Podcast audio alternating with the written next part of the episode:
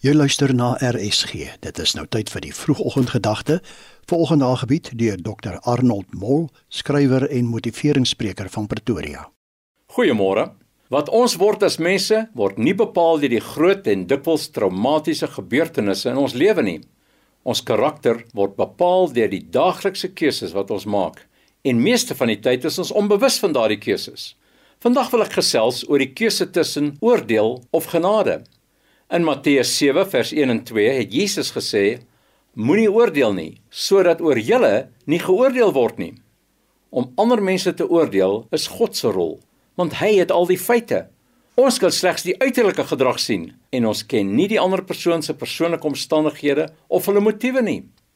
Om te skinder en kwaad te praat van iemand anders is 'n ernstige sonde in God se oë. In Romeine 1 vers 29 word dit saam met kwaadwilligheid, bedrog en moord gelys. Waarom word skinder in dieselfde lys as moord geplaas? Omdat dit neerkom op die vernietiging van 'n ander persoon se karakter. Nou, kan 'n mens jouself afvra, hoekom geniet ons dit om so krities te wees? Wel, dit laat ons beter voel oor onsself, want by implikasie sê ons ons sou nooit so iets gedoen het nie. En ons gebruik dikwels ons eie gedrag as die standaard waarteen mense geoordeel moet word.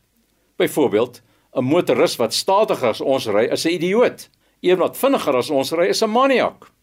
Sielkundiges vertel ons dat mense met swak selfbeelde geneig is om baie krities te wees op ander. Daar is egter 'n ander probleem. Ons kan nie iemand veroordeel en terselfdertyd liefde betoon nie. En dit is 'n jammerte dat die wêreld dikwels Christene sien as uiters veroordelende mense, terwyl Jesus gesê het ons moet bekend staan vir ons liefde, veral aan die wat dit nie juis verdien nie. Die wêreld smag om 'n boodskap van genade te hoor, veral die wat gebuk gaan onder 'n las van sonde. 'n Dame het by ons huis gesit en huil en gesê dat God haar nooit sal kan vergewe vir al die slegte dinge wat sy in haar lewe gedoen het nie.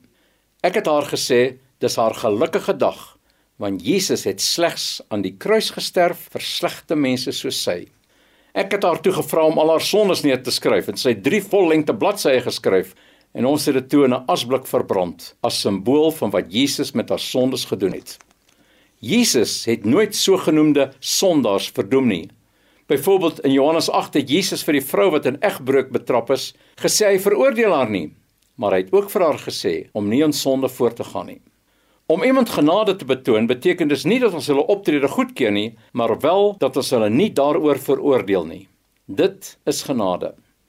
Wat sal jy vandag kies om te doen? Ander veroordeel of hulle genade betoon. Dit was die vroegoggendgedagte hier op RSG, aangebied deur Dr Arnold Mol, skrywer en motiveringsspreker van Pretoria.